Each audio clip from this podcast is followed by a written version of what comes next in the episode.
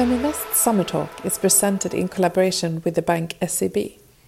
At SEB, they want to make it easy to save and influence your own pension so that you get a good future salary when you stop working. As a customer of SEB, you can see all your occupational pensions in the app and get help collecting everything in one place. If you feel unsure about how much to save or which form suits you best, you can book a meeting with a personal advisor. If you want automated advice for your pension saving, use SEB Bot Advisor, an advisory robot that provides investment advice tailored to your preferences. When you are approaching retirement age, you can also get help from SEB's advisors to plan your future salary in the best way. Visit seb.se slash pension to calculate your pension savings and get advice in a way that actually suits you.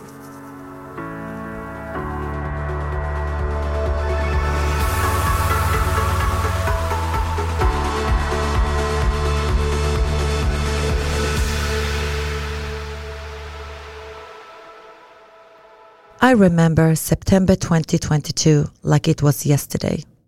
Södertälje became an open war zone where one child after another got either shot or killed. Yes, we are talking about children in the age of 16 to 19 years. We had around seven shootings within two weeks. All of a sudden, we had an open gang war in our streets, and they didn't care if it was in schools, playgrounds, residential areas, or youth centers. Sorrow and death became a part of everyday life. Children traumatized after seeing masked men with guns and protective vests in school yards, and some witnessed the actual shooting. Now I, as a parent, needed to change the way I talk to my kids. Instead of me telling them, have a nice day at school and have fun, I needed to tell them, if you see a masked man or a man with a gun, run away to your teacher. Now all of a sudden we are afraid of being at the wrong place at the wrong time because it can happen anywhere at any time during the day. The spiral of violence is becoming a social problem all over Sweden, so the occurrences in Södertälje is nothing special or new.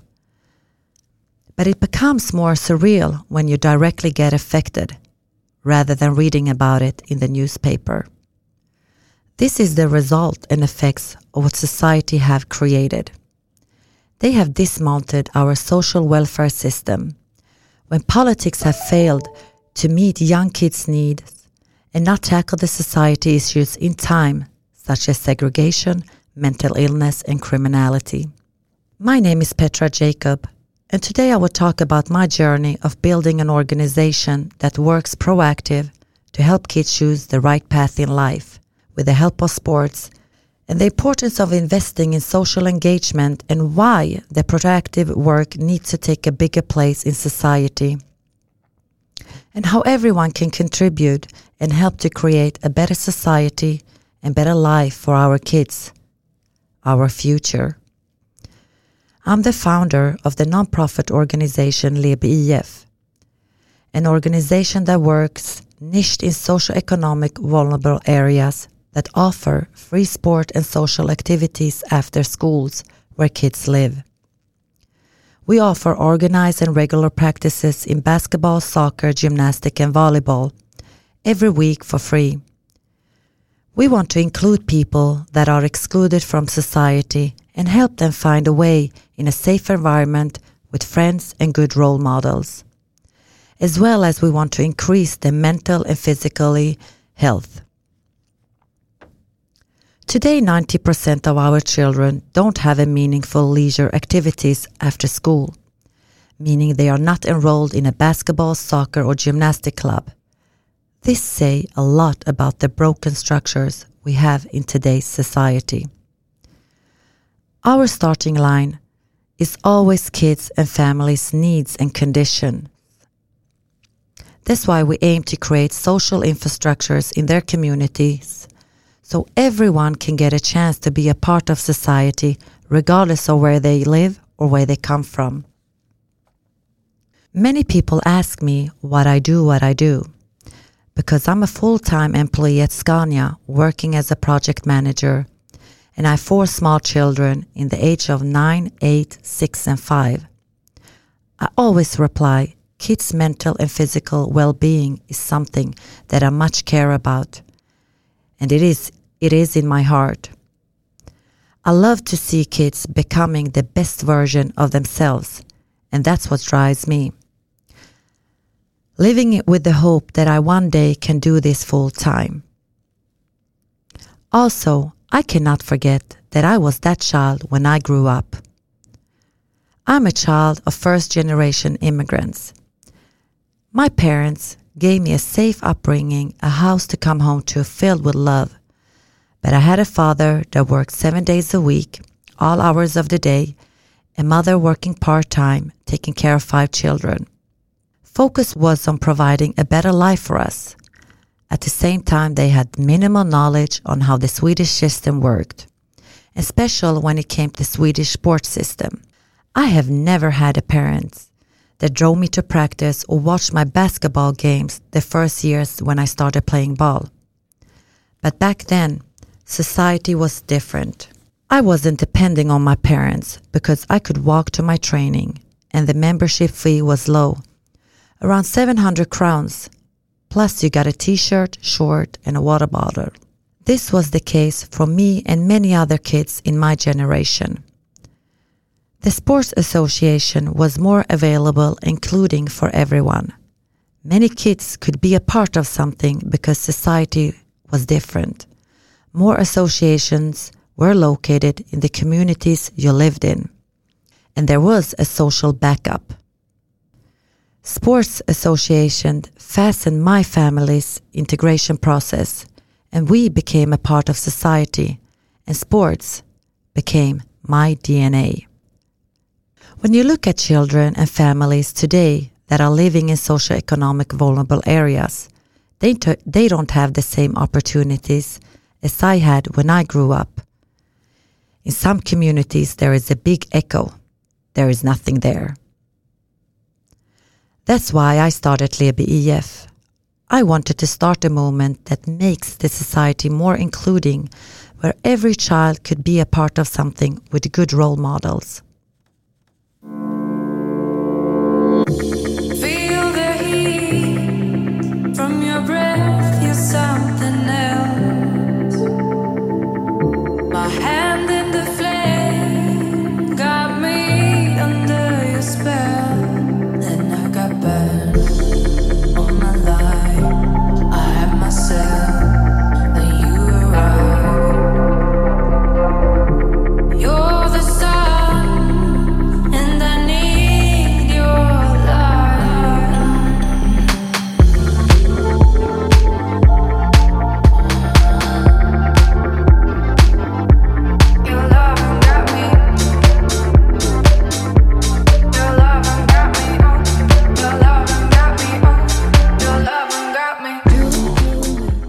2020, when I decided to take manners in my own hands, I didn't have a project plan. I didn't have a strategy, funding, or a way of working. I just knew we had broken structures and something needs to be done. I know I had the experience because I have myself been through an integration process and experienced cultural clashes. I had the knowledge about sports because I had played basketball my whole life both in the highest league in Sweden, Norrköping Dolphins, plus I went to play NCAA college basketball in the US. So my first step was to go to Linahage, a vulnerable area, which is close to where I live. I took my four children. My youngest girl was almost two years old. I went to the sport field and it was like 60 kids and not a single adult. All I did was to ask, who wants to play an organized match in soccer? And everybody raised their hands. I came back the next week and the following week and the week after that. And then all of a sudden, we had one girl group and one boy group. Summer came, and after summer they came back, and that's how Lebi was created. We became a member of the School Sport Association. The way we work is that young leaders in the age of 15 years old leads younger kids with adult support and we work together with the schools. The first school we entered was Lina Hage. We had 35 children and two youth leaders. Now, three years later, we are active in four schools, all located in socioeconomic vulnerable areas and include over 250 children a week. And we have 45 leaders within our Leader Academy. We built up structures and methods from the root of the problem, together with kids in the community, and customized the way we work so it's aligned with today's societal structure. That's why it works so well. Today, we have a method that is scalable, code of conduct, and all leaders apply an inclusion and value based leadership where kids, regardless of conditions, have a place to be at after school and, and with the opportunities to grow as a person and friend with good role models. We just don't include kids within sports.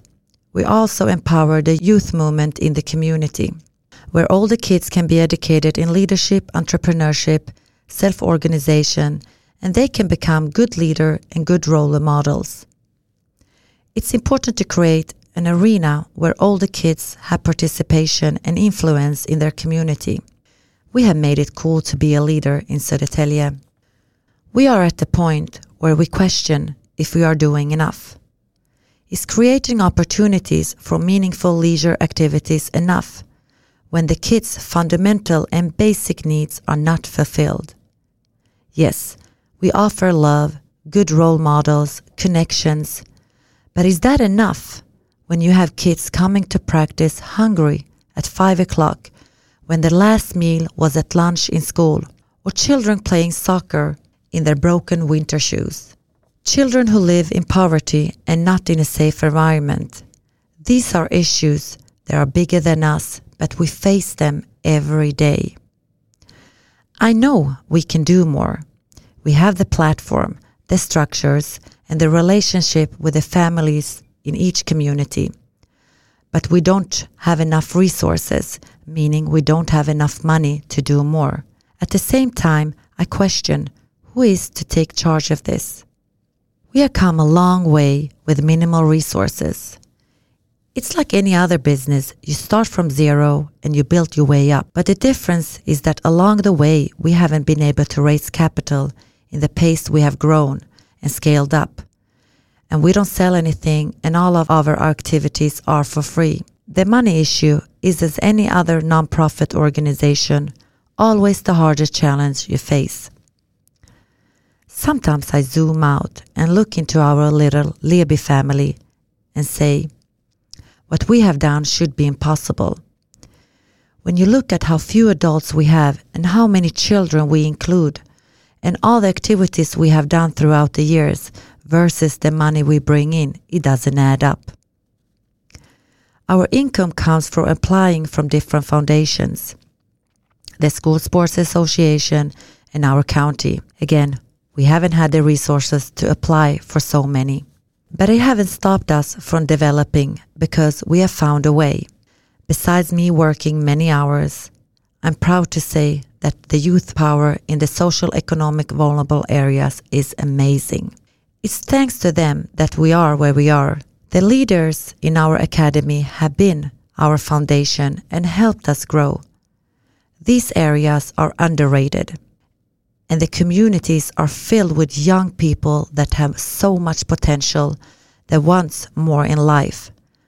But what's missing is opportunities and people to see and confirm them. We have so many young people that want to become a leader. Again, it proves the youth engagement in the communities is high. But again, we don't have the resources to manage everyone. So we have a waiting list.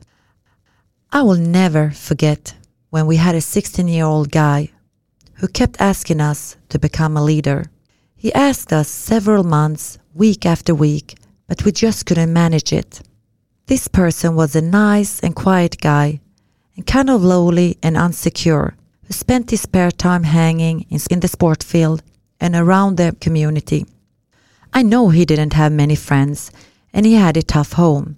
About six months ago, I saw him starting to hang out with older guys and being in places late at night. That's when I realized he has been recruited.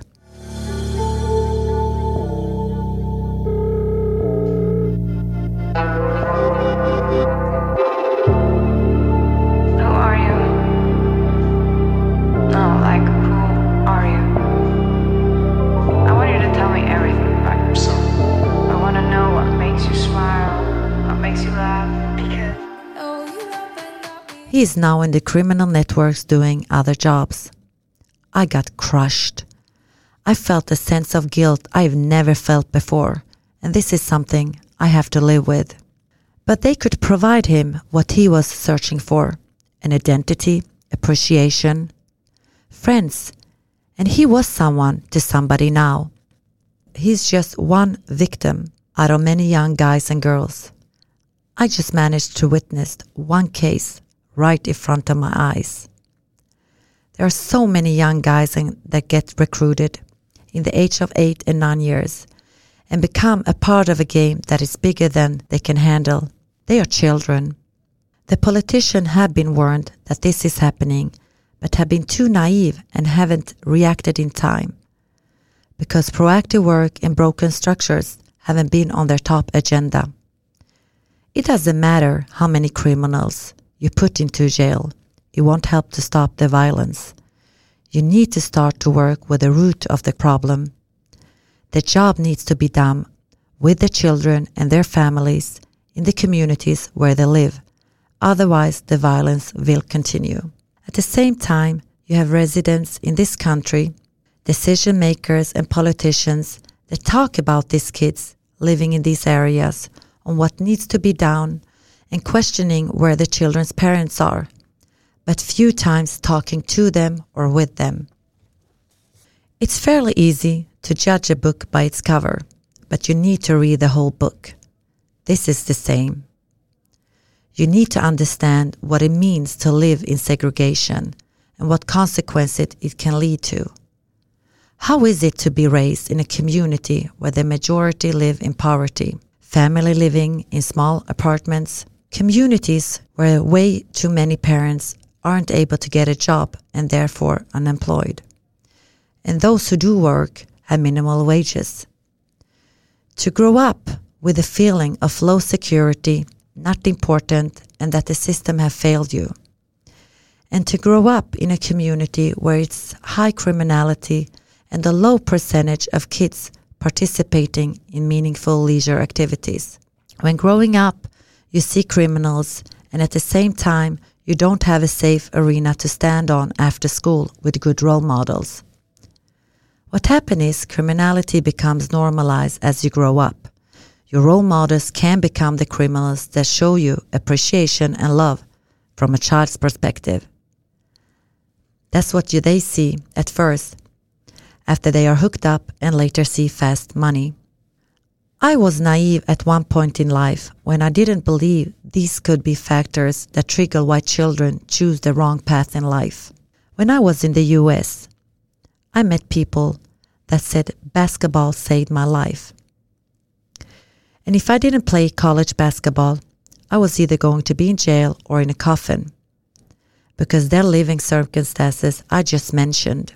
I answered, why choose the easy way out and not the hard and correct way? The answer I received was, it's not as easy as you think. Come and see how we live first.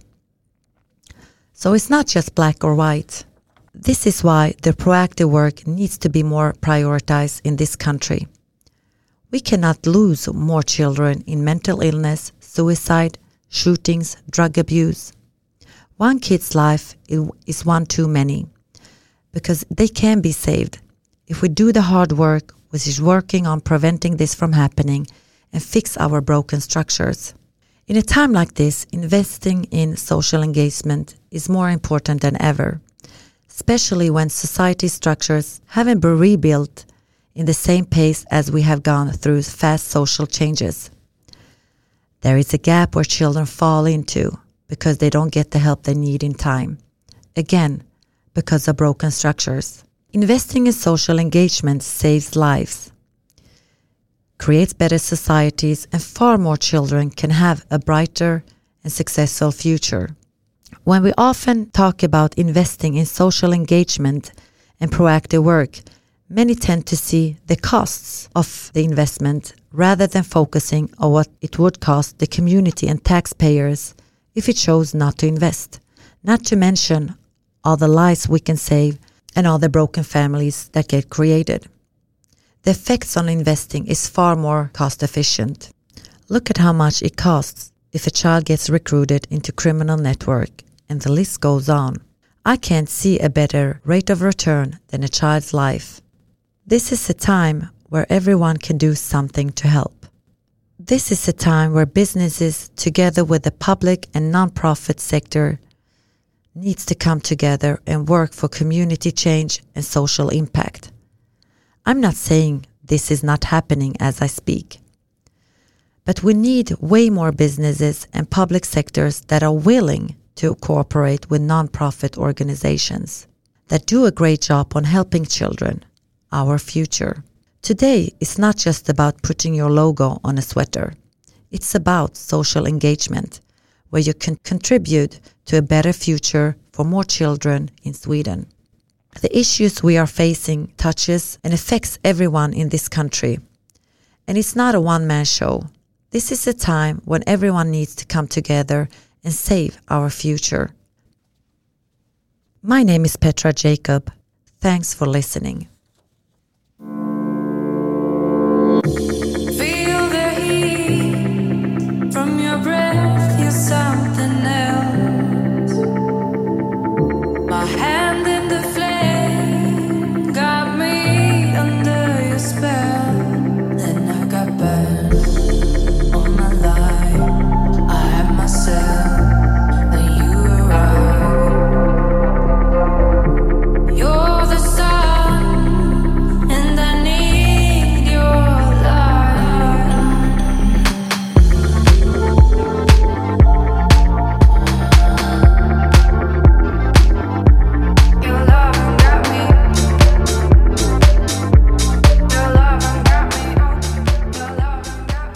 In this summer talk is by the artist Ragnhild with the song Rewind